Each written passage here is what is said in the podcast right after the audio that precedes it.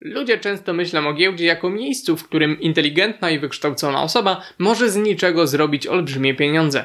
Perfekcyjnie oddaje to fragment filmu Jestem Bogiem, w którym nadludzko inteligentny, ale spłukany główny bohater zaczyna grać na giełdzie i szybko zarabia miliony.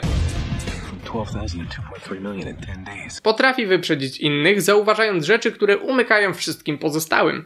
Wiele osób bardzo podobnie odbiera rynek kryptowalut czy forex. Jeśli tylko będę bystrzejszy niż pozostali, będę się edukował i wkładał w to serce, na pewno osiągnę sukces i zarobię krocie. Tu pojawia się jednak pewna koncepcja, według której to wszystko ściema i możliwe, że w ten sposób wcale nie da się zwiększyć ponad średnią naszych szans na zyski. Możliwe, że nawet zawodowi inwestorzy i maklerzy nie potrafią wybierać odpowiednich spółek lepiej niż zrobiłaby to małpa. No ale jak to? Osoba, która poświęciła lata danemu zagadnieniu, a więc ma ogromną wiedzę, a w dodatku jest bardzo inteligentna, wnioskując chociażby po tym, że skończyła trudne studia, no musi być lepsza niż jakieś zwierzę. Przejdziemy do tego, ale najpierw krótka historyjka. Kojarzycie Isaaca Newtona? To ten fizyk uważany za jednego z najwybitniejszych naukowców wszechczasów. W 1720 roku był on właścicielem akcji South Sea Company, czyli w tamtym czasie spółki o największym potencjale w całej Anglii. Po jakimś czasie sprzedał swoje akcje ze stuprocentowym zyskiem. Świetna inwestycja i można by mu tylko zazdrościć. Tutaj niestety jego przygoda z South Sea się nie skończyła. Kilka miesięcy później ludzie wpadli w szał kupowania i akcje spółki spółki wystrzeliły w górę.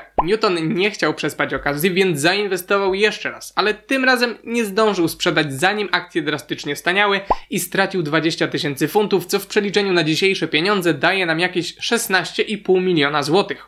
Do końca życia Newton zabraniał używać w swojej obecności słów South Sea. Nawet tak niezwykle inteligentny i analityczny umysł, który po prostu patrząc na spadające jabłko, jako pierwszy człowiek zrozumiał jak działa grawitacja, nie potrafił przewidzieć, czy cena spółki będzie spadała, czy rosła. Swoją drogą to nieco ironiczne, że majątek eksperta od grawitacji pokonał spadek, którego ten się nie spodziewał. Jeśli nie chcecie, żeby coś podobnego was spotkało, to zostawcie łapkę w górę dla YouTube'owego algorytmu. Szczerze mówiąc, nie wiem, czy to zadziała, ale raczej nie zaszkodzi, a nie ma co kusić losu. Jest wiele metod i technik starających się określić przyszłe zachowanie akcji, jak analiza fundamentalna, analiza techniczna, inwestowanie w wartość, we wzrost, kupi trzymaj i wiele, wiele innych. Nauczenie się korzystać z tych wszystkich narzędzi i strategii nie brzmi jak proste zadanie i na pewno wymaga sporo czasu. Być może dlatego większość osób, które chcą zainwestować pieniądze, wpada na pomysł, żeby znaleźć kogoś, kto się na tym zna i za opłatą fachowo zaopiekuje się ich pieniędzmi. To logiczny pomysł. Ktoś po ekonomii, kto cały całe życie pracuje w funduszu inwestycyjnym, na pewno zrobi to lepiej niż ktoś zupełnie zielony w temacie.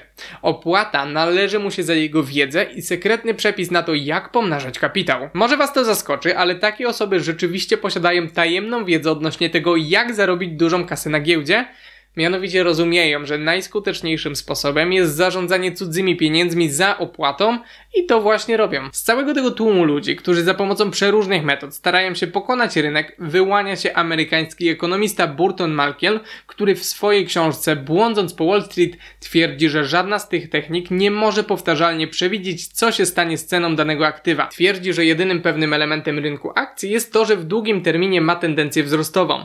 Na tych słowach się jednak nie zatrzymuje. Stwierdza, Stwierdza on, że małpa z zawiązanymi oczami, która rzucałaby rzutkami w sekcję finansową gazety, stworzyłaby w ten sposób takie portfolio spółek, które poradzi sobie równie dobrze jak te tworzone przez zawodowych inwestorów. Jeśli to byłaby prawda, to płacenie ekspertom za ich fachową wiedzę zdawać by się mogło nieco niepotrzebne.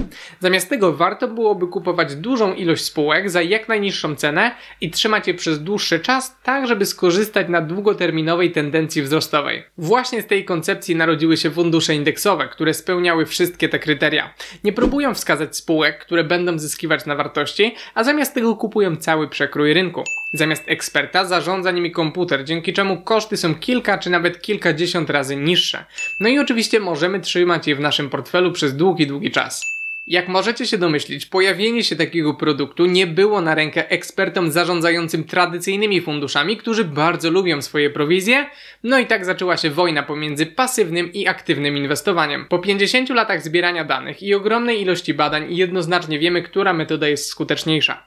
Jeśli weźmiemy pod uwagę opłaty dla eksperta, okazuje się, że w 90% przypadków przegrywają oni z funduszami indeksowymi. Pozostałe 10% rzeczywiście zarobiło dla swoich klientów więcej niż średnio ale ma to związek raczej ze szczęściem niż umiejętnościami. Im dłuższy okres, tym mniejsze szanse funduszy aktywnie zarządzanych, a liczba funduszy pokonujących rynek nie przekracza liczby, jakiej moglibyśmy się spodziewać, gdyby decydowało tylko szczęście. Chociaż zdarzają się sytuacje, w których czyjaś strategia na pokonanie rynku zadziała, to zazwyczaj działa ona bardzo krótko, ponieważ pozostali uczestnicy rynku dostosowują się do niej, zmieniając niejako zasady gry. Nawet Warren Buffett, czyli człowiek uchodzący za najwybitniejszego inwestora na świecie, któremu jako jednemu z niewielu udaje się powtarzalnie pokonać rynek, zapytany o to, w co najlepiej inwestować, wskazuje nie swoją własną firmę, ale fundusze indeksowe i myślę, że to daje do myślenia. W 2007 roku Buffett założył się nawet o pół miliona dolarów, że żaden zawodowy menadżer zarządzający fundusz funduszem inwestycyjnym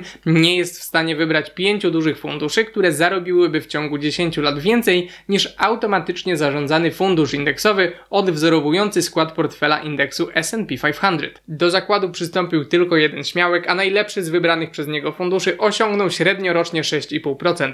Dla porównania fundusz indeksowy wybrany przez Buffetta wykazał średnioroczną stopę zwrotu w wysokości 8,5%. Ostatecznie fundusze aktywne zarobiły 220 tysięcy dolarów, a pasywny 854 tysiące. No dobrze, ale co z tym wszystkim zrobić? Główne przesłanie jest oczywiście takie, że należy uważać na wysokość opłat, kiedy kupujemy jednostki uczestnictwa jakiegoś funduszu inwestycyjnego, bo tak naprawdę to one będą odgrywać kluczową rolę w kwestii tego, jak opłacalna będzie nasza inwestycja. No i że fundusze indeksowe mają znacznie, znacznie niższe opłaty za zarządzanie. Czy powinniście też przestać uczyć się tematów związanych z inwestowaniem i po prostu dać sobie spokój? No niekoniecznie. Fundusze aktywnie zarządzane przegrywają z rynkiem głównie ze względu na wysokie opłaty, czyli koszt utrzymania ekspertów. Jeśli jednak sami mielibyście stać się takim ekspertem, może rzeczywiście będziecie w stanie powtarzalnie zarabiać więcej niż średnia rynkowa, chociaż prowizje przy zakupie i sprzedaży dalej będą skutecznie Wam przeszkadzać. Osobiście uważam, że inwestowanie w fundusze indeksowe i ETF-y jest dla większości osób lepszą opcją.